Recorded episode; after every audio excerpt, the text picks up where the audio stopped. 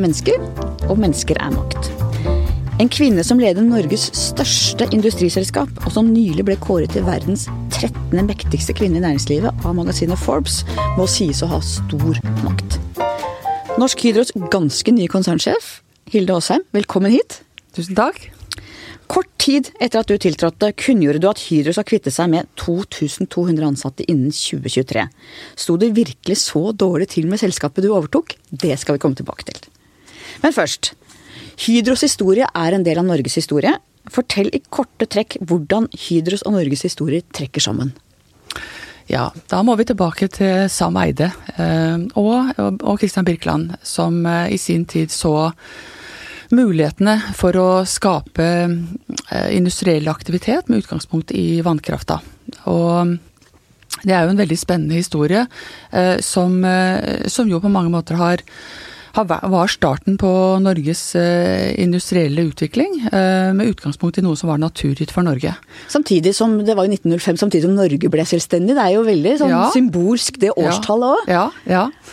Og, og, det som er spennende for meg som, som leder Hydro, er jo at, at denne, denne, visjonen da, som Sam Eide og Christian Birkeland hadde, nettopp å skape produkter og løsninger som verden trengte med utgangspunkt i noe som var naturgitt for Norge, den har fulgt Hydro i nå i 114 år. Men det var jo fremmed kapital som kom inn, hovedsakelig fransk og svensk. Hvor norsk var egentlig Hydro fra børjan av? Ja, det var jo norsk med utgangspunkt i vannkraften i Rjukan og, og, på Notodden, så utgangspunktet var jo norsk. Men, eh, men, det er klart at den utbyggingen som skjedde, Vemork var jo det største kraftverket i verden på det tidspunktet. Og det var jo flere statsbudsjetter som eh, måtte til. Så, så, og Norge var jo på det tidspunktet ikke noe velstående land, så Sam Eide brukte jo sin, sitt entreprenørskap gjennom å, å invitere både franske og svenske, svensk kapital. Og det er jo spennende når man er på Sam Eides hus på Notodden og se det, det, det utgangspunktet hvor han inviterte da kapital og, og, og kapitalinteresser til, til, hjemmet sitt, eller til hjemmet til Sam Eide, og fikk, det, fikk eh, tilslutning for å, å, gjøre denne fantastiske utbyggingen som var grunnlaget for Norsk Hydro. Var det en blanding av si, nerding og store visjoner som møttes i en litt sånn fin eh, cocktail?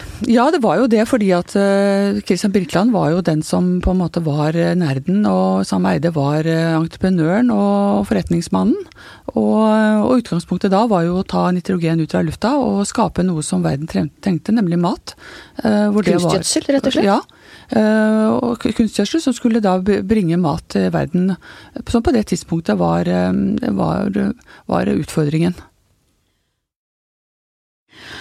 Og eh, båndene mellom bedriften og lokalsamfunnet, alt henger sammen med alt. Det var jo tydeligere mm. før. Er det større avstand nå mellom verdiskapning og velferdsproduksjon? Glemmer vi litt hvor pengene kommer fra?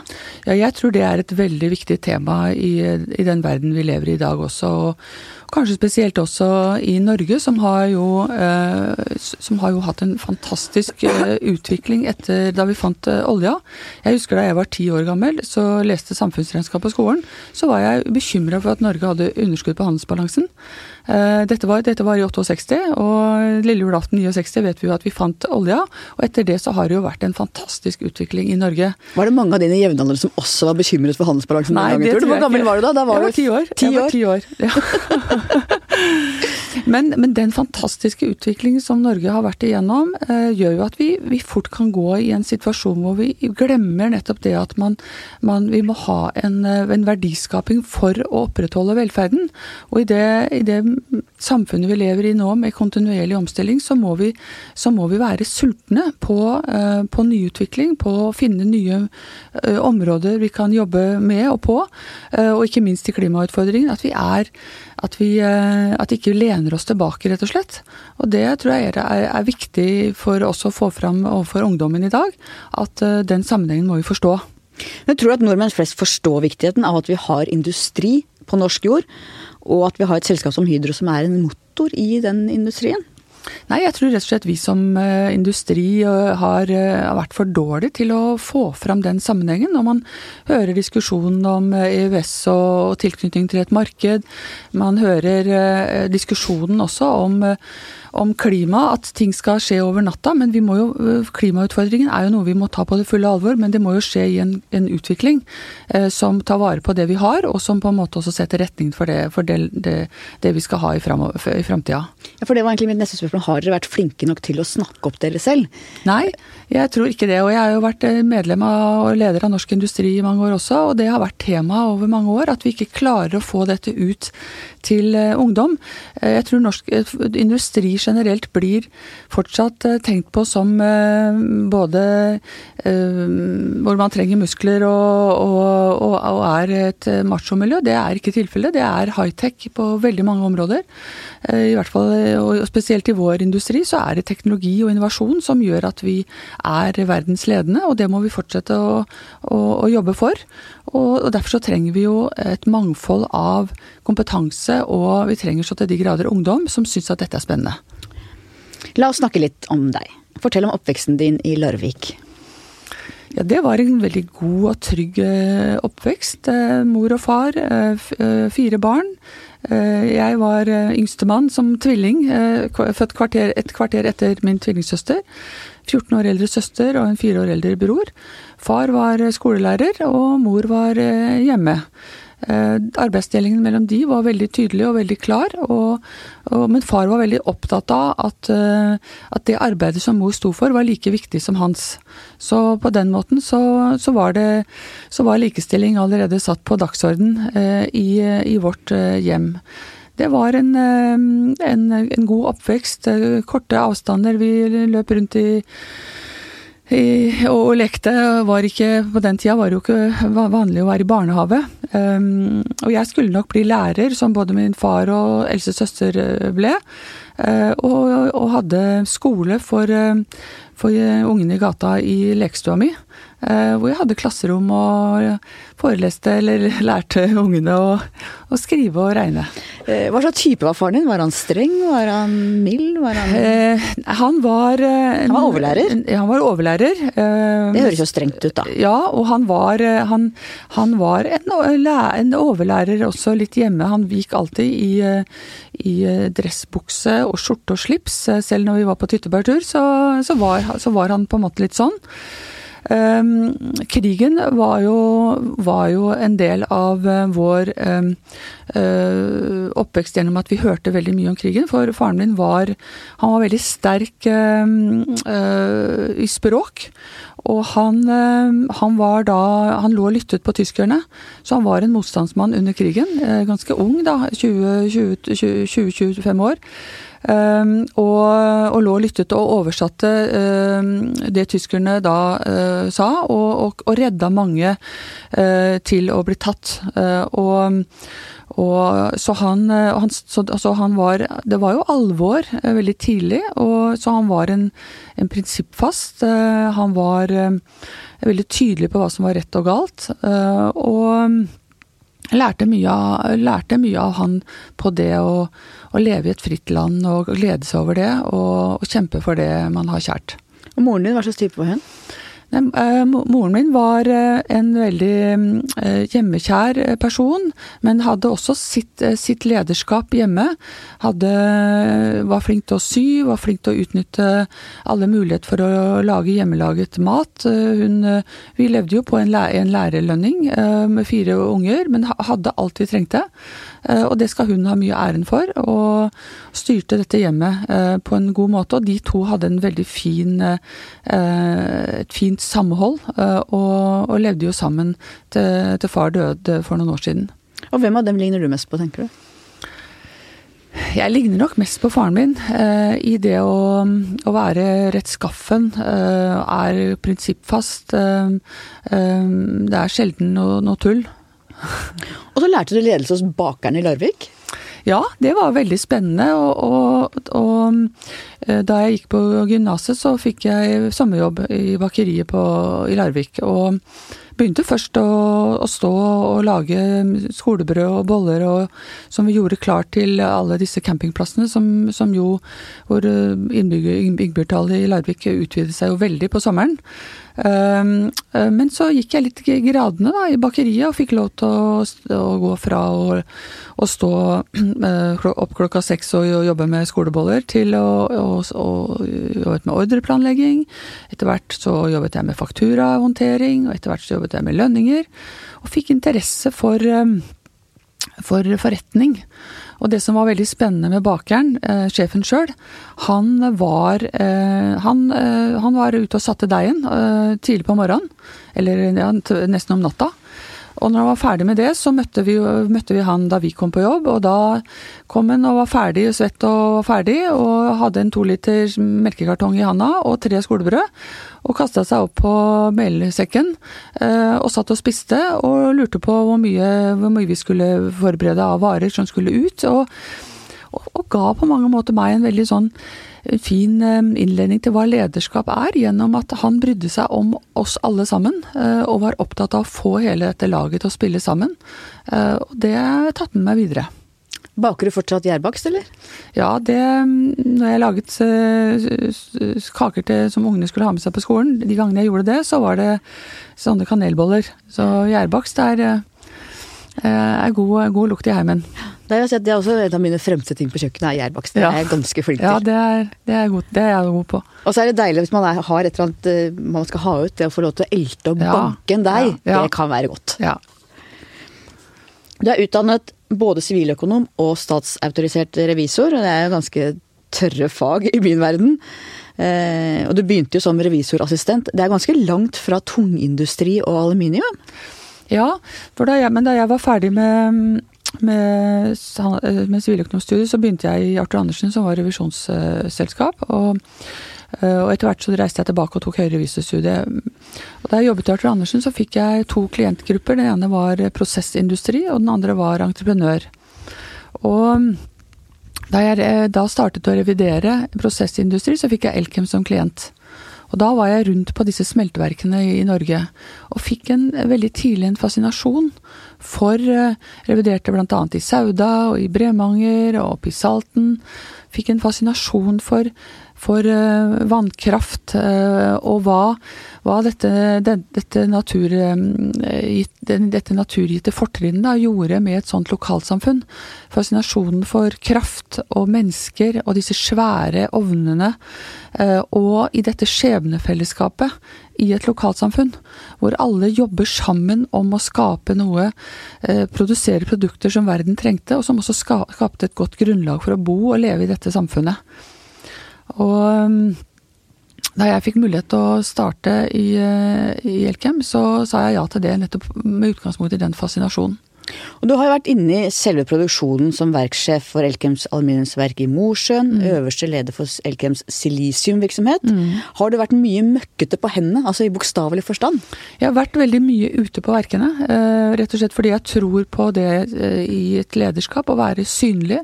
Og på mange måter så så kan man nesten snu organisasjonskartet på hodet. fordi at uh, disse produksjonsanleggene her, de går jo 365 dager i året. Uh, eh, 24 timer i døgnet. Og det er jo vi som ledere er nesten jeg kan tenke seg som en hjelpekjede, egentlig, for hvordan denne produksjonen skal gå helkontinuerlig, sømløst, og levere de produktene som kundene trenger. Du har jo og sagt derfor, at du må huske at på, på julaften når du sitter ja, finpynta hjemme, så er det folk som er på jobb. Så er det noen som er på jobb, og det har jeg veldig respekt for. Og det, det, å få til det laget, og da må jeg som leder også være der ute og sette pris på uh, den jobben som gjøres. Og, og, også på en måte være synlig i forhold til den retningen og utviklingen vi skal ha. Eh, jeg har jo hatt din forgjenger eh, Brandtzæg her tidligere. Eh, som snakker med stor lidenskap om aluminium. Aluminium. Mm. Hva er egentlig greia med aluminium? Hva er det som gjør at man blir så lidenskapelig i forhold til et sånt metall? Det er jo et fantastisk materiale. Eh, eh, rett og slett fordi det, er, det, har disse egenskapene som går på at det er lett formbart, det er lett vekt, det er korrosjonsbestandig, altså mot rust. Og det kan resirkuleres og resirkuleres og resirkuleres uten å miste sine egenskaper. Og det er veldig høy grad av resirkulering? Veldig høy grad grad av resirkulering. Og det, i det samfunnet vi lever i nå, så blir jo det bare mer og mer eh, interessant. Fordi at vi, vi, vi, vi, skal jo ikke legge noe tilbake oss, vi skal, eh, vi skal ta det tilbake i en ny verdikjede. Og jeg har hørt at det er motsatt av hva jeg trodde, så er det veldig krasjingsvennlig. Selv om det er lett og tynt, så har det stor motstand. Ja. Og du sparer drivstoff for du får, eh, drivstoff, for du får eh, lettere biler. Altså en del sånne ting som ja, eh, ja. Og alle disse, disse, egenskapene ser vi jo nå i, i både i, i, bil, som du sier. Både at bilen blir lettere, at bilen da bruker mindre, mindre bensin, eller, eller, eller, nå elektriske biler. Så er det jo enda mer interessant gjennom at nesten hele bilen kommer i aluminium. Eh, vi ser det i, i, eh, i valsede produkter. Med, vi ser nå mer og mer substitusjon i, i boks i forhold til plast, eh, plastflaske. Vi ser det i, i, bygningsindustrien, som nå leter etter materiale som kan gjøre byggene energinøytrale. Vi ser mer og mer aluminium i fasader, som kan bidra til det. Så du er glad i det, du, rett og slett? Ja, jeg er veldig glad i eh, Og, det er liksom denne Det å, å, å, lede et selskap hvor du har denne fascinasjonen for både materialet vi produserer, som verden trenger, og, og måten vi er i stand til å produsere det på. I Hydro, når det var der før fusjonen mellom daværende Statoil og Hydro, så var du konsernsjef for ledelse og kultur. Eh, og du ledet den delen av fusjonen. Og det er en krevende oppgave å binde sammen to veldig ulike bedriftskulturer og ulike fagmiljøer. Mm. Kan du si noe om kultur, hva som særpreger en god bedriftskultur, og hvordan du dyrker den fram? Ja, for det første så det var, For meg var det jo veldig spennende å få, få muligheten til å forene de to uh, kjempene, uh, Statoil og, og, Hydro. Jeg hadde jo bare vært i Hydro et år uh, da denne fusjonen ble en realitet. Og fikk da muligheten til å skulle lede integrasjonsplanleggingen mot at dette nye selskapet skulle skipes. Og da, da, var det jo om å gjøre å, å, å ta det beste fra de to eh, selskapene. Det var en veldig klar målsetting. Eh, og det skulle bare mangle eh, at ikke man skulle få med seg eh, det beste fra de to. Men det var krevende? Det var krevende, men, eh, men eh, det var en spen veldig spennende oppgave å, å, starte ut med å etablere hva som skulle være målsettingen, og skape dette, eh, dette Et av de største olje- og gasselskapene i verden. Med utgangspunkt i at, at begge selskapene hadde vært veldig gode men hadde forskjellig bakgrunn. Hydro kom jo med med tung bakgrunn for uh, hva skal jeg si, prosesskunnskap. Vi hadde jo, Det var jo mange som jobbet på Herøya som etter hvert endte på, på, på, på, oljeplattformene, med den prosesskunnskapen som det er, og som er så viktig for å produsere uh, olje og gass på en, en, en eh, ordentlig, eller på en god måte. Og så, kom, og så hadde vi Statoil-kulturen, som var en kanskje mer entreprenørkultur. Litt mer cowboy? Store, ja, men på mange måter også det som var så spennende, at man torde å ta de store høydedragene. Uh, og det må jeg jo si at at eh, kompet, altså kompetanse og forståelse av hydrokarboner og det å få de opp, det har jo også fascinert meg veldig. altså Veldig respekt for den kunnskapen det er, da. Å lete etter olje og faktisk å få det opp. Jeg har vært på en oljeplattform, jeg må si at det var en ja. massiv opplevelse. Ja, ja, og jeg har vært selv på et kurs for ikke-geologer og, og, og, og gått i fjæra i Skottland og letet etter avtrykk av hydrokarboner i fjæra. Eh, og det, det, også ble en veldig fascinasjon for meg, at man faktisk klarer å, med kompetanse å, å få dette opp. Eh, så, så, tilbake til dette med kultur. Altså det, kultur er jo mennesker. Kultur er strukturer å jobbe i, og for meg var det om å gjøre å, å, fremelske begge de to kulturene, da, og, og, og få dette til å smelte sammen. Hydro har jo over 35 000 ansatte, fordelt mm. på 40 land på alle verdens kontinenter. Og i dag jobber omtrent 90 av Hydro-ansatte i utlandet, mm. mens på 70- og 80-tallet var det helt omvendt. Mm. Hva har det gjort med Hydro-kulturen og måten å jobbe på at dere har blitt så mye mer internasjonale? Ja, For det første så har jo det utviklet eh, selskapet til det det er i dag. Eh, i, med, med, som du sier, vi opererer i 40 land og, med 35 000 ansatte. Vi må være der ute markedene er. Og, og, vi, må, og vi må utnytte hele verdens kompetanse av folk og, og, anlegg. Eh, men det som er spennende med Hydro, det er at det er en rød tråd tilbake til Sam Eide gjennom det verdigrunnlaget vi har. Gjennom det som går på på, på om, omtanke, som, er, som, vi kaller care. Eh, og så er det det å ha mot. Og så er det det å samarbeide.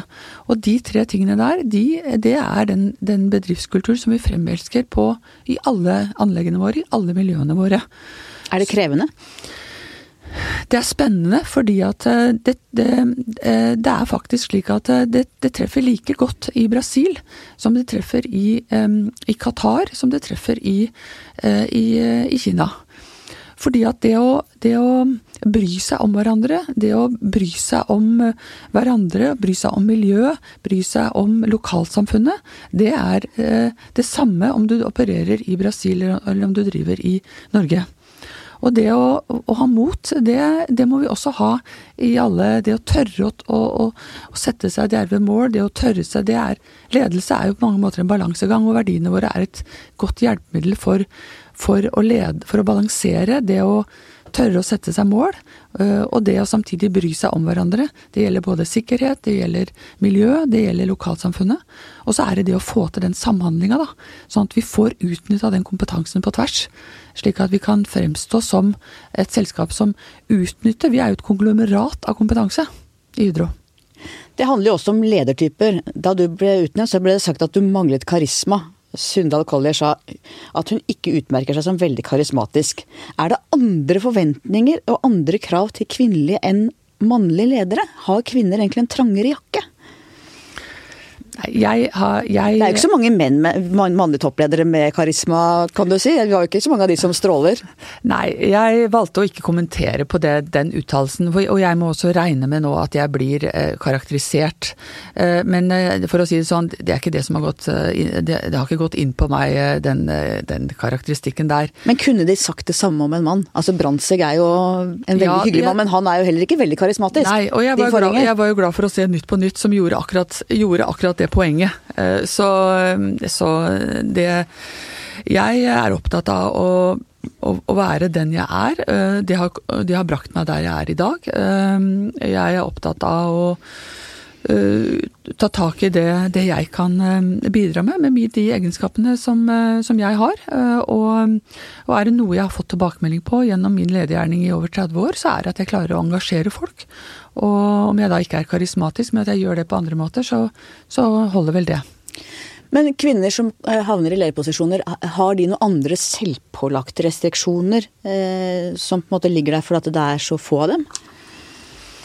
Nå kan jeg bare snakke for min egen del. Og, jeg, jeg har eh, aldri opplevd at jeg eh, måtte pålegge meg noe, eh, holde meg tilbake fordi jeg er kvinne. Det er jo mer at man, at man har antennene ute til enhver tid i forhold til hvordan man skal oppføre seg, i forhold til hvordan man, man kjenner, man, man kjenner sin, sin, besøkelsestid, og, og, og mer det enn, enn at, jeg, at jeg har lagt på bånd på meg i forhold til å være kvinne. Jeg ser for egen del, jeg har jo også en eh, lederjobb, og jeg har heller aldri lagt bånd på meg. Jeg ler høyt og jeg kan være rå i kjeften også, men så syns jeg av og til at noen av hva skal siviløkonomdamene blir litt stramme. Um, om, og det er det jeg mener, er man da uh, Legger man sjøl bånd på seg, eller er det at omgivelsene forventer andre ting som gjør at man i næringslivet, som er en helt mye strammere bransje enn mediebransjen, at man må legge de båndene på seg? Nå snakker jeg ikke om deg og meg nødvendigvis, men generelt, da. Nei, jeg, jeg, jeg, jeg, skal ikke ha for mye mening om siviløkonomdamer. Jeg, jeg, er opptatt av å Ble jeg fordomsfull nå, eller? Hva sier du? Ble jeg fordomsfull nå? Nei, jeg, har ikke hørt den karakteristikken før, e, egentlig. Jeg har ikke tenkt så mye på det. Men jeg er opptatt av å opptre eh, seriøst, eh, fordi at eh, i, den, i de jobbene jeg har hatt, så, så er det Det er spennende, men det er også et alvor. Man forvalter um, stort, et stort lodd, i den forstand at man, man skal skape verdier. Man skal, man skal, operere på en ansvarlig måte i forhold til de ansatte. Men, så, så, det er mer jeg tar kanskje på, på alvoret i den situasjonen. Å være seriøs, oppfattes som seriøs. Metoo, hva tenker du om omveltningen vi har vært gjennom som samfunn gjennom de siste par årene? Det jeg er opptatt av, det er at, at at vi har en eh, åpenhetskultur i den forstand at eh, det må være lov å komme fram, og det må være eh, lov å si ifra. Og, og Hydro er veldig opptatt av det at vi har en, en åpenhetskultur først og fremst i, det, i, de, i den hverdagen vi, vi har til, med, med, med, lederen i avdelingen. At det er lov å komme med alle, alle synspunkter, og, men selvfølgelig også ha kanaler som gjør at man også fanger opp ting som ikke er som det skal være, eh, i, eh, i det vi har som, som whistleblower-kanaler og den type ting. Men, men, eh, men, vi vet jo det at det beste er jo hvis man har en leder som, som, er, som, som dyrker fram en åpenhetskultur, at det er lov å ta opp ting i egen organisasjon. Har du hatt opplevelser som du i ettertid ser at passer inn i metoo-bildet? Nei, jeg, jeg, har tenkt en del på det, og jeg, eh, jeg Nå er jo jeg en voksen dame, og, og, og var, ti, var, jo tidlig eh, i, i en industrisammenheng som, som gjør annerledes enn det er nå. Ehm, jeg har tenkt på det at jeg, jeg er nok en robust person, for jeg, jeg husker ikke at, eh, at, jeg opplevde liksom at jeg eh, ble uh, satt til side, eller, eller at jeg, fordi jeg var kvinne. Men, men, men, det er klart at tidene har heldigvis forandra seg, og, og, og, det skal vi være glad for, og, det er noe jeg også kommer til å jobbe med i, i, som leder av Hydro nå, at vi har denne åpenheten. Jeg tenker også, jeg begynte i VG for nesten 30 år siden. Da var jo mm. også tonen helt annerledes ja, og mye ja. råere. Og, og, vi tålte jo ting da som man aldri ville tålt i dag. Nei. Heldigvis Så, at det har forandra seg. Mm, mm. Og så må vi snakke om alder. Ja. Du og Eldar Sætre i Equinor er de to eneste topplederne blant de ti største på Oslo Børs som er over 60 år. Mm. Noen vil si at dere er for gamle. I Norge er det en kultur for å dyrke unge ledere og ungdom. Mm. Mens hvis vi ser f.eks. til USA, mm. hvis vi holder Donald Trump ute, mm. så ser vi at både toppolitikere, høyesterettsdommere, toppledere kan være langt over 70 år. Hvordan er ditt eget forhold til alder og eh, aldersdiskusjonen? Nei, det har jeg ikke. Det, det, må jeg si at så lenge jeg har energi, så lenge jeg har, har uh, gleden av å jobbe i en, um, i en, organisasjon som jeg, jeg opplever å være en del av, og, og, når jeg nå har fått denne muligheten, når jeg fikk denne muligheten til å lede Hydro, så, så tenkte jeg at uh, ja, hvorfor skulle jeg ikke gjøre det? Altså en, en, å være 61 år når du er, har helse og og har, eh, har, et godt liv ellers, hvorfor skulle den ikke ta på seg en ny utfordring? Og jeg tror at det er noe av utfordringen til, til Norge også, at man ikke tenker eh, for tidlig på å gå av eh, med pensjon når man har god helse og, og, og, og har lyst til å utvikle seg videre. Så, mm. og hvordan ser du på det norske samfunnets syn på alder og det å bli eldre? Ja, jeg tror at det er bra ja, at vi nå øh, jobber for at folk skal stå lenger i arbeid. Jeg tror det er, tror det er viktig for Norge for, for, å finansiere velferdssamfunnet vårt. Jeg tror det er viktig at, vi, at, at erfaring og, og, klokskap og modenhet også blir satt, satt pris på. Og, og det, det, er jo en del av mangfoldet, det òg.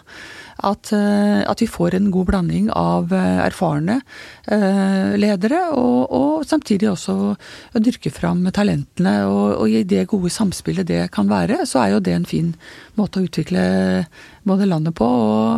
Og, og jeg tror at den dagen man sier at man er gammel, da er man litt ferdig, altså. Dette er helt enig. Man ser jo hvor, hvor raskt ting skjer også, og det å henge med, eh, det, det tror jeg er positivt. Både helse, sin egen helse og, og livsglede. Og representerer alder mest erfaring eller mest manglende endringsvilje? Er det lettest å bli utdatert i hermetegn for dem på toppen eller de på gulvet? Det tror, er, eh, det tror jeg er, begge deler. Altså jeg tror du må ha ledere som eh, hele tida er framoverlent og som følger med, for å kunne sette tonen for, eh, for kontinuerlig utvikling. Og det er kjempeviktig for et selskap og for, for enhver organisasjon. Og, og, og hele tida tenke på å gjøre ting bedre i morgen enn det det er i dag. For det, ting skjer så fort nå at, at man må virkelig være interessert i, i teknologi, innovasjon Og er det noe jeg lærte av forgjengeren min, eh, Svein Richard, så er det det interessen for teknologi. Altså, selv om jeg ikke har teknologibakgrunn selv, så er jeg veldig opptatt av å forsøke å henge med teknologene i hva mer vi kan gjøre, eh, hva mer vi kan studere. Og det er jo sånn at jo mer man forstår at man ikke forstår, jo, jo mer vi må forstå. Og, så det, det, det, den, den hungeren der tror jeg er veldig viktig. Da må vi snakke om hackerangrepet på Hydro dagen etter at du ble utnevnt til ny sjef, eller snarere den påfølgende natten. Mm. Fortell kort hva som skjedde. Ja, Det som skjedde, var at eh, Ja, det var jo den dagen eh, det ble annonsert at jeg skulle ta over. Eh, og jeg har vel sagt også i andre media at jeg la meg den kvelden og var rimelig fornøyd. Kan, I dag kan man jo lese avisene før de kommer ut om morgenen, så jeg hadde jo sett hovedoverskriftene i avisene og så at det var ikke så mange som mente at det var en feil beslutning av, av Hydro sitt styre. Så jeg la meg egentlig godt fornøyd. Trøtt og godt fornøyd. Og så ble jeg ringt opp klokka fire om morgenen, eh, hvor en kollega forteller meg at eh, vi, vært, vi, var under et sterkt eh, cyberangrep, og det var helt mørkt, og at jeg måtte komme på jobben. Og da var det bare å hive seg i buksa og skjorta og komme ned på til Vekkerø. Og der var det helt mørkt. Vi, vi kunne ikke bruke noen av PC-ene våre. Vi kunne ikke bruke noe av det som var vanlig, vanlig du kobler på. Så vi var ute, øh, og jeg var med i å etablere da øh, beredskapsteamet, som som da kom sammen klokka seks om morgenen. Og, og, da hadde vi vært ute med papir og blyant og satt uh, oppslag på, i, på, på inngangsdørene at man ikke skulle slå på PC-en.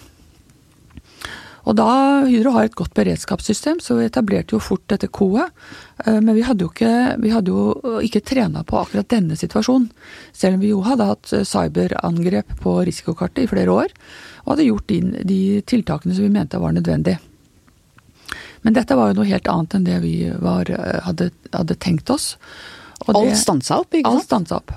Hele produksjonen, alle Ja, altså vi, det som skjedde var at Og det, der gjorde jo IT-avdelingen vår et fantastisk arbeid veldig fort.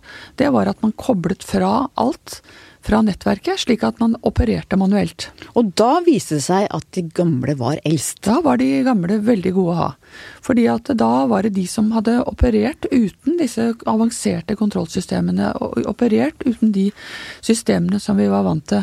Og de som hadde, de som hadde skrevet ut alle ordrelistene som hadde det i skuffen, som du egentlig ikke skal gjøre, for det du har jo på skjermen, det var de som da var heltene. fordi at vi, vi, var jo i blinde. Vi visste jo ikke hva vi skulle produsere. Vi visste ikke hva vi eh, Produksjonsplanleggingen var jo også nede. Henta dere inn pensjonister òg? Det var også pensjonister som kom inn, ja, for å hjelpe oss. For oss å operere. Og jeg satt jo da med ansvaret for um, primær. Uh, og, det å operere disse smelteverkene manuelt, manuelt uh, på likerettersida og, og, og, og, over 900 graders smeltemasse i ovnene, det er, det er da da har du hjertet i halsen. Eh, fordi at dette dreier seg jo om eh, å være sikker på at vi kan drive på en sikker måte. At alle, at alle ansatte er trygge. Eh, det var en veldig krevende situasjon. Var du redd? Jeg var ikke redd, men jeg var veldig urolig for dette, hvordan dette kunne utvikle seg, og hvor lenge dette kunne vare. Og vi visste jo ingenting på det tidspunktet. Men det som var fantastisk å se, det er jo eh, Hydros styrke når det gjelder. Hvordan, hvordan, hele organisasjonen mobiliserte. Hvordan folk De gikk jo flere skift av gangen. Og hvordan de trakk sammen, og hvordan de hjalp hverandre, og hvordan de sto opp for selskapet i en sånn situasjon. Det var helt fantastisk å se. Så, mm, og vi klarte da etter hvert å det var jo, en, var jo en, en, styring og en ledelse her som også måtte fokusere på, på ut fra hvor de største risikoene var. Og vi prioriterte da etter eh, hvor, hvor, vi hadde størst effekt. Og det er klart smelteverkene var jo veldig utsatt, for det skal ikke så veldig mye til før et smelteverk kan gå ned. Hvis vi hadde mista strømmen f.eks. Da er det bare fire-fem timer, så står hele det verket i staur. Da, da fryser smelteovnene. Og som du da må hakke ut med bor for å, få, for å få aluminiumen ut av de cellene for å begynne på nytt. Og det er veldig kostbart. Og det unngikk vi heldigvis. Men det forteller mye om hvor sårbare vi er? Ja, det forteller veldig mye om hvor sårbare vi er. Og dette var ikke et angrep som var skissert av en, noen gutter på et eh, gutterom. Dette var avansert vært angrep i flere ledd. Har dere funnet ut av hva som var motivasjonen eller bakgrunnen? Nei, det har vi ikke. Har du noen mistanker eller noen teorier? Nei. Nei. Og det er fortsatt under etterforskning både av nasjonalt politi, nasjonale sikkerhetsmyndigheter og internasjonale og det, vi, det vi, vi, valgte å gjøre, var jo å være veldig åpne eh, om denne situasjonen. Og jeg registrerte her at vi fikk jo åpenhetsprisen, for, kommunikasjonspris for åpenhet. Eh, og, for det er jo mange som har angrep, men som ikke forteller om det. Og det er jo veldig viktig at vi, at vi alle lærer om hva som kan skje. Og hva slags eh, ytterligere tiltak man må gjøre eh, i forhold til å unngå at hele selskapet ble satt ut, sånn som vi, eh, sånn som vi ble. Og det vi, vi, har vel nå regnet ut at vi, vi, vi finansielt så, så, har vi jo da hatt kostnader og tap av inntekter på mellom 550 til 650 millioner kroner. Det er mye penger. Det er veldig mye penger. Tilbake til mitt åpningsspørsmål. Du skal kutte 2200 ansatte mm. fram mot 2023. Mm. Var det virkelig så dårlig stelt da du tok over? Ja, altså da jeg tok over, så hadde vi jo opplevd en veldig krevende situasjon uh, i, um, i, Brasil uh, over lang tid, som har kostet oss uh, også veldig mye penger. vi hadde et cyberangrep, og i tillegg så, så, så, så har hele aluminiumsindustrien hatt dårlig inntjening de seinere åra. Og, og for meg var det viktig å ta tak i den utfordringen fra dag én. Og, og, det er noe som nok også har preget eh, mitt eh, lederskap. At det å være tydelig eh, på retning for å få hele organisasjonen med. Så da jeg startet ut, så, ta, så, så sa jeg veldig tydelig at vi må, vi må, komme tilbake i Brasil. Vi må få løst den situasjonen i Brasil. Som dere nå har løst ganske nylig? Som vi nå har løst ganske nylig. Vi må ta tak i dette forretningsområdet valsede produkter som har hatt for dårlig inntjening over for lang tid. Valseprodukter er at dere flater ut aluminiumen, ikke sant? Det er, det er eh, valseverkene som, eh, som, som, eh, som, valser ut produkter til folie, til, til nå mer og mer til bil, til hele, hele kroppen av bilen. Og til, ja, til brusbokser og, og, og den type materialer. Jeg har vært på en volsefabrikk til Hydro i Tyskland, faktisk. Ja, ja. Jeg var der hele ledergruppa i VG. Det var ja, veldig spennende å se. Ja, Alt fra det helt flortynne til nettopp bildører eller bilfasader. Hva heter det? Bil... Ja, Utapå bilen, da. Ja. Eh, hele, hele karosseriet, karosseri, eh, karosseriet av bilen. Um, så for meg var det viktig å sette en dagsorden og ta tak i det som på en måte var for dårlig. Uh, og, og jeg tenker sånn at Hydro hadde ikke blitt 114 år hvis vi ikke over alle disse åra hadde tatt tak i utfordringene um, for å gjøre det som da er igjen, sterkere. Og, på, uh, og de, den bemanningsreduksjonen som du snakker om, det er innenfor valseprodukter. Det var rett og slett sånn at uh, et par av disse folielinjene våre, de, uh, de var gamle, veldig bemanningsintensive, og som er utkonkurrert av kineserne. Og istedenfor å holde på å produsere da med tap, eh, så måtte vi ta tak i den situasjonen og rett og slett eh, adressere det på en måte hvor at vi sier at dette må ned for at vi skal kunne ha, skape livskraftig eh, virksomhet på det som er bra, og som går mot, mot bil, og som går mot, mot mer, mer disse mm, bokseproduksjon. Så, så, jeg tror det er litt viktig å, um, å, å i en, i en kultur at vi må ta tak i det som uh, er for dårlig, rett og slett. Og ikke bare utsette ting. Men selvfølgelig må det være basert på fakta. Det må være basert på en god analyse, sånn at vi kan forklare organisasjonen hvorfor det er nødvendig. Det er veldig viktig.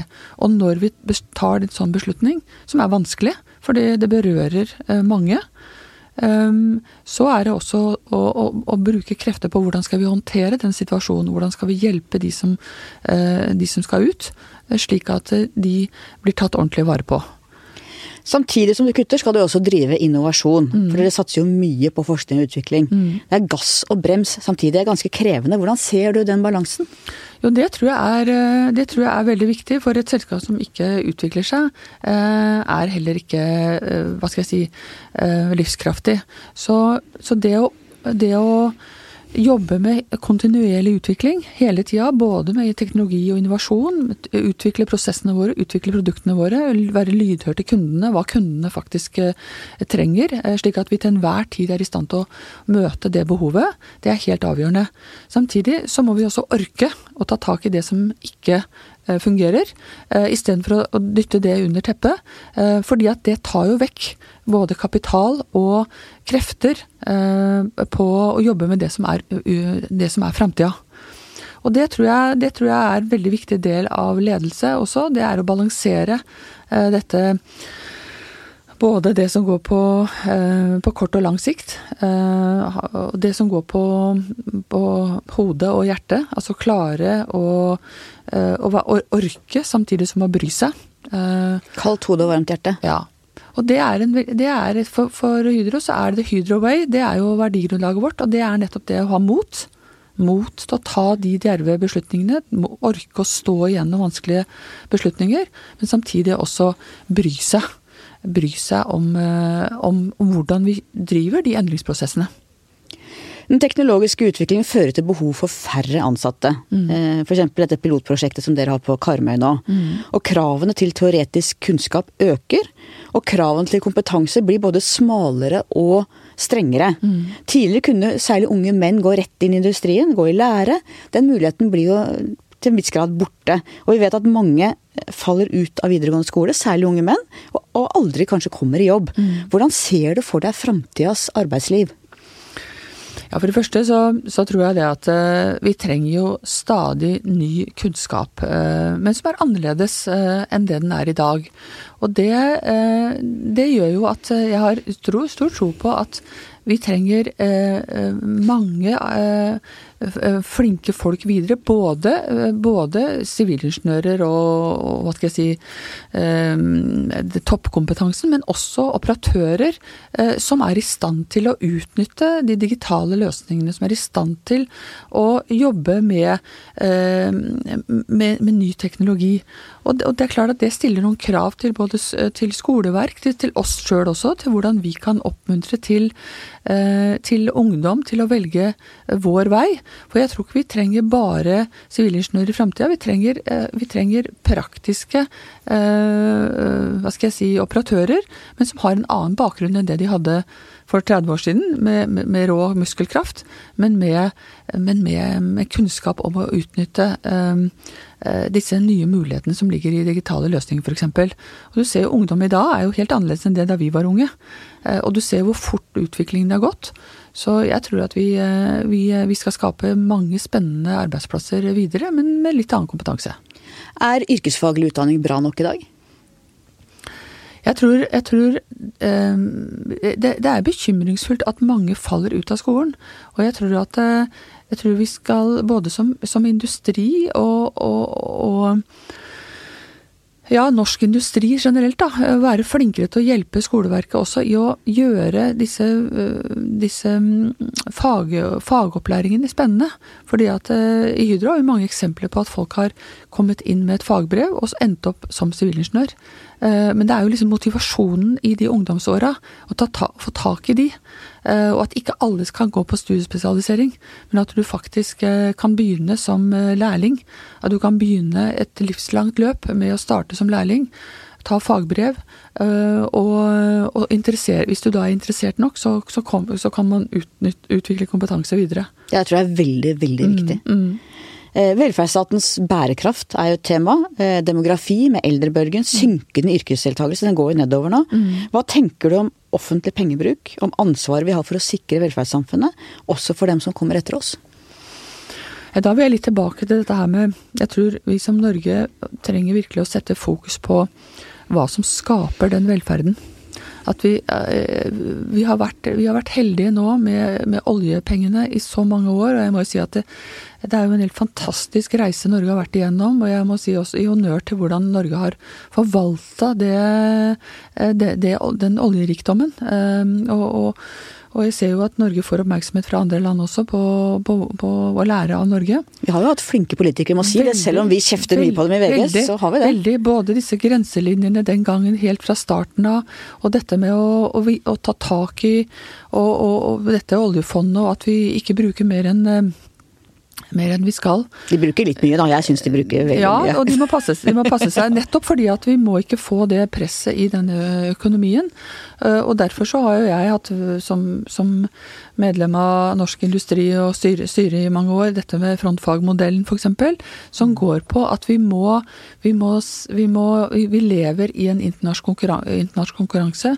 Vi lever på, um, på, på å å, utvikle eh, verdiskaping gjennom norske bedrifter, som igjen har, skaper arbeidsplasser, som igjen betaler skatt, som igjen skaper arbeidsplasser i distriktene.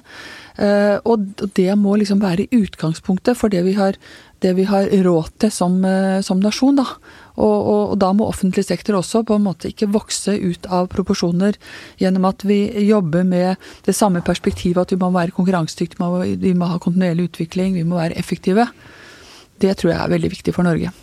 Uh, og da kom vi inn på trepartssamarbeidet, den norske modellen, hvis vi nevner frontfagsmodellen. ikke sant? Mm. At vi ser at i LO nå så bikker det at de offentlig ansatte blir flere enn de private ansatte mm. i, i, privat sektor. Og det bekymrer meg, for at det gjør noe med, med hele trepartssamarbeidet og hele den mm. norske modellen. Mm. Er du bekymra? For det første har jeg lyst til å slå et slag for, eh, for trepartssamarbeidet. Det har jo vært eh, helt fantastisk, eh, det samarbeidet som vi har fått igjen med, med ledelse, tillitsvalgte i, i, norske bedrifter over år. Og, og, jeg kan jo snakke for egen bedrift at den måten vi har jobba sammen på og, og, og, løst utfordringer vi har, vi har, jo vært gjennom voldsom omstilling i Hydro, og det er, jo, det er jo veldig få ganger at det har vært krigsoverskrifter i avisene, rett og slett fordi vi har klart å håndtere det internt internt. Vi har klart å, å, få forståelse for hvorfor det er viktig å endre seg, hvorfor det er eh, viktig å ta grep.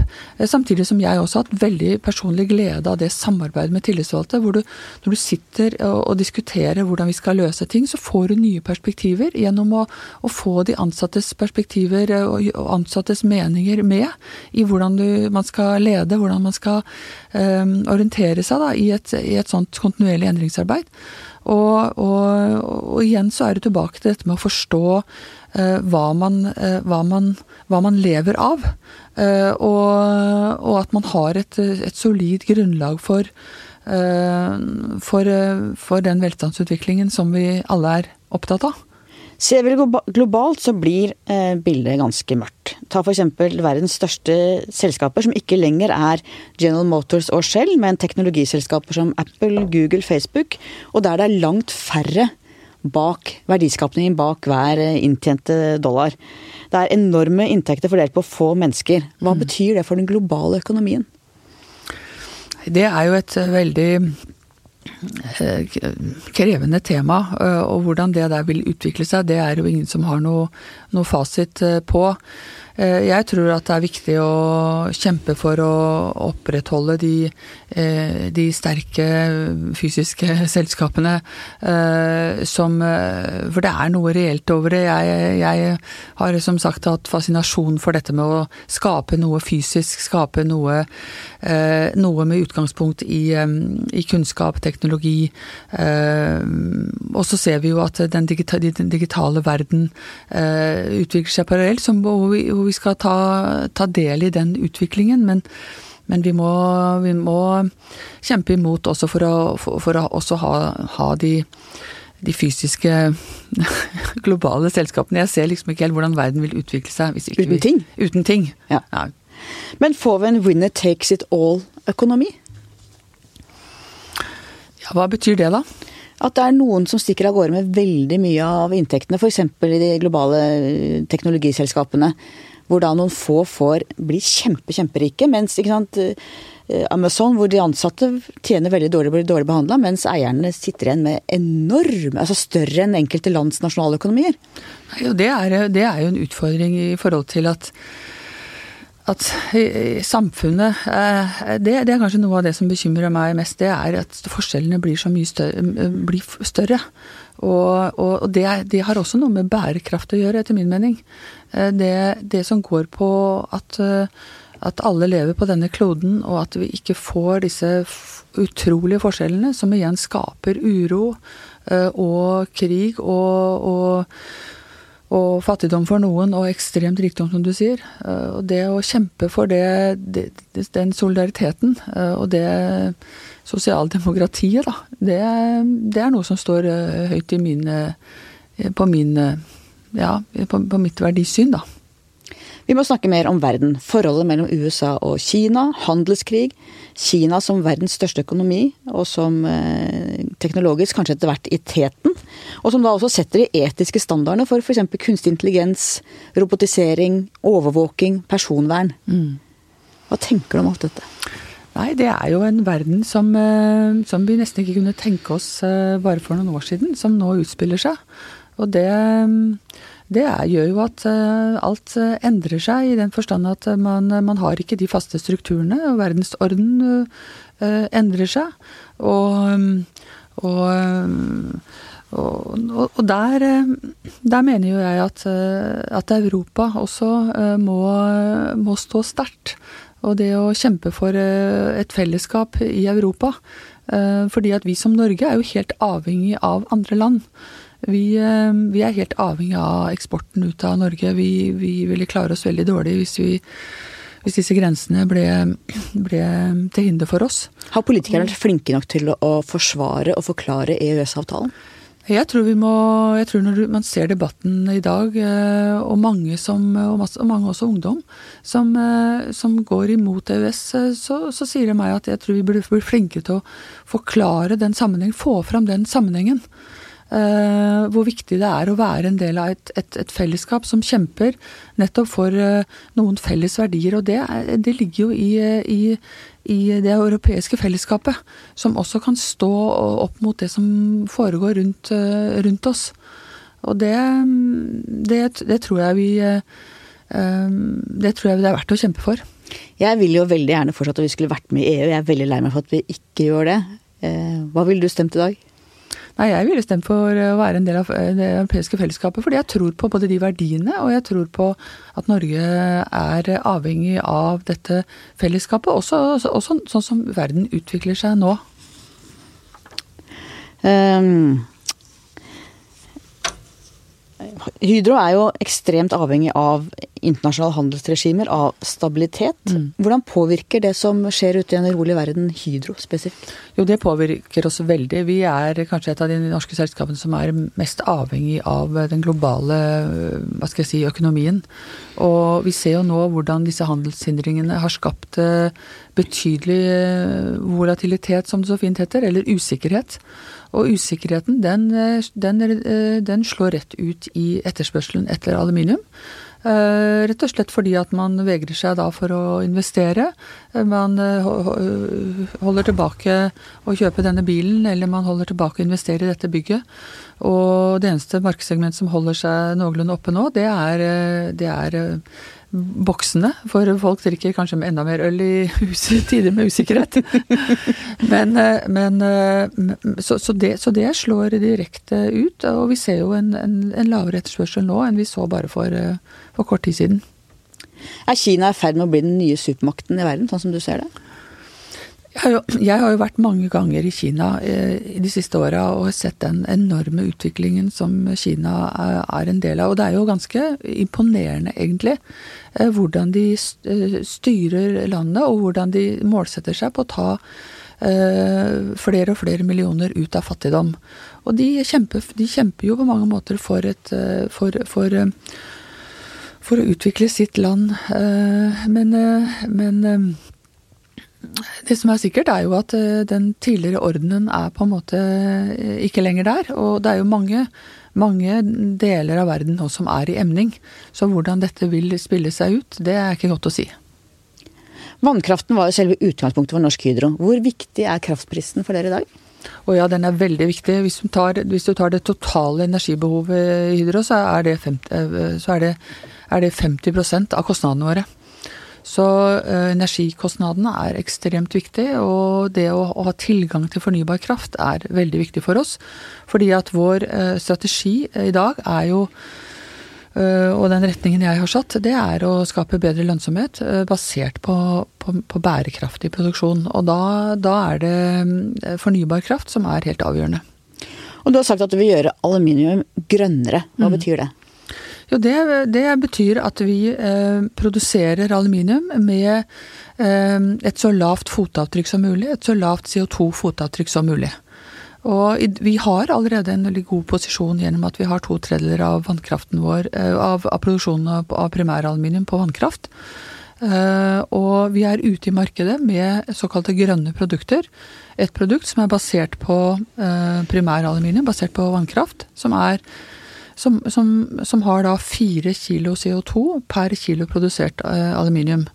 Tar vi Kina, så har de 18 kilo CO2 per kilo produsert aluminium. Det er stor forskjell. Så det er stor forskjell.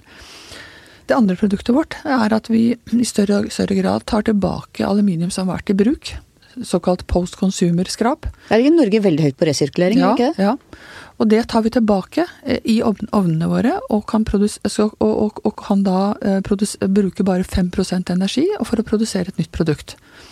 Og nå er vi ute i markedet med det, et produkt som heter Circal, som har da minimum 75% såkalt aluminium som har vært i bruk i seg. Eh, og det, begge disse to produktene nå får mer og mer oppmerksomhet i markedet gjennom at kunder etterspør materialet med et så lavt fotavtrykk som mulig. Eh, plast er jo nå bannlyst. Mm. Eh, frykter du at aluminium kan ende der? Nei, men det er derfor det er viktig for oss å skille oss ut fra snittet. For, når, for Kina står for mer enn 50% av all produksjon av aluminium i dag. Og hvis du bare tar snittet, hvis, hvis en, en, designer skal lage et, en fasade, og lurer på hva slags materiale han skal bruke. Så ser han på ja, skal jeg bruke aluminium, så tar du snittet på aluminium, og det er sånn 14-15 eh, kilo CO2 per kilo produsert aluminium. Så kan du ta stål, treverk, plastikk. Og hvis du bare bruker snittet, så er aluminium ute. Men hvis du bruker uh, vårt, uh, vårt, produkt, som er fire kilo, eller, uh, ut, ut, eller bruker et, et, materiale som er basert på resirkulert, så er, det, så er vi det, reneste materialet. Så du har en PR-jobb å gjøre i forhold til verden? Hva sier du? Du har en PR-jobb å gjøre ja, i forhold til verden? Ja, og det, det, som er spennende nå, er at dette får oppmerksomhet. Øker en portal, f.eks., et prosjekt her på, i Norge, skal bygge fasader nå med utgangspunkt i et, et, et, et resirkulert aluminiumsmateriale fra oss. Og det er kjempespennende, fordi at da begynner denne bærekraftsagendaen Eh, som vi definerer som at vi produserer, vi produserer, på en ansvarlig måte i de lokalsamfunnene vi opererer, med et lavt fotavtrykk. Begynner vi å kunne kommersialisere på den agendaen. Og det er veldig spennende når kundene begynner å være villige til å betale for det. Du er opptatt eh, av ledelse. Du har gjennom hele din karriere vært opptatt av folk, av mennesker og samspillet mellom dem. Mm. Hvordan vil du beskrive din ledelsesfilosofi? Den dreier seg um, veldig mye om, um, om Altså, ledelse er endringsarbeid. Og jeg er opptatt av at, å få med hele organisasjonen. Og jeg tror at alle vil være med hvis de skjønner hvorfor. Derfor har jeg vært veldig opptatt av å være en synlig leder som på en måte uttrykker forventninger om hvor vi skal. Eh, og hvorfor det er viktig å endre seg. Og sånn sett få med hele organisasjonen. Og, når, og, og, du, og, fordi at ledelse er veldig mye engasjement. Det er veldig mye om å få til et eh, Altså får du til en engasjert organisasjon, så har, jo, så har jeg jo alle mine 35 000 ansatte med meg. Og det og Hvis du brekker opp ledelse, da, så er det le og dele og se. Og le dreier seg om å skape et engasjement, klappe folk på skuldra, takke for flott innsats, samtidig som du kan også si at her kan vi gjøre bedre ting. Å dele, det er å være der ute og, og, og, og snakker, Da snakker jeg jo ikke bare om at jeg kan jo ikke bare gjøre det alene, men jeg må få med meg hele organisasjonen i å, at alle forstår hvorfor vi skal endre oss, hvorfor vi må endre oss. Og når operatøren da står på sitt skift, så må han forstå hva de skal levere, og kan gå hjem om kvelden og si i dag leverte vi det vi sa vi skulle levere. Og hvis du får det engasjementet, Og det, det, siste er jo å se at folk opplever å bli sett og få oppmerksomhet, og at de er viktige i den jobben de gjør. Det syns jeg det, For meg er det ledelse, min ledelsesfilosofi. Du har sagt at du ikke er så glad i selskapeligheten som følger rollen din. Handler det om det litt, at du er litt introvert, eller handler det om at du finner glede andre steder i andre mennesker? Ja. Øh, jeg, jeg, trives nok bedre på mm, elektrolysehallen enn jeg trives i, i, i finstasen i, i et, et, et hvilket som helst selskap. Det må jeg innrømme. Jeg, jeg, føler meg uh, mer uh, hva skal jeg si At jeg kan bidra mer der enn en, Men selvfølgelig, det er hyggelig med et godt lag. Vi nærmer oss slutten. Hva ser du som norske verdier, ikke eksklusivt norske, men verdier som er viktige i det norske samfunnet? Det er det fellesskapet. Det er fellesskapet vi har, at vi ikke har for store forskjeller. Det, det er det sosialdemokratiske De prinsippene om at vi, de deler. Vi er like. Vi Eh, vi, eh, vi står sammen. Og det, det, tror jeg er veldig viktig også framover. Hvordan ser du religionens plass i det norske samfunnet? Jeg tror, jeg tror eh, religionen jeg tror, på, jeg tror, på, de kristne prinsippene. Det å, å være gode med hverandre, det å Ja. Ta, å ta være ordentlig og skikkelige. Og Nestekjærlighet? Ja, nestekjærlighet. Tror du selv på Gud? Jeg tror at det er noe større enn oss. Det tror jeg. Til slutt, mitt faste spørsmål. Hva skal bli historien om deg? Hilde Aasheim, det var hun som ja, For det første så øh, håper jeg at jeg vil ha vært en god mor øh, og en god øh, ektefelle. Men hvis du tenker på det, mitt profesjonelle liv, så håper jeg at jeg skal bli husket som en industrileder. Eh, som eh, har tatt tak i Hydro eh, i en i der vi er nå, og som loser Hydro videre til å være dette robuste, lønnsomme industriselskapet basert på teknologi og bærekraft. Tusen takk for at du kom. Takk for meg. Takk til deg som hørte på. Takk til researcher Grete Ruud og vår faste produsent Magne Antonsen. Vi høres igjen om noen uker.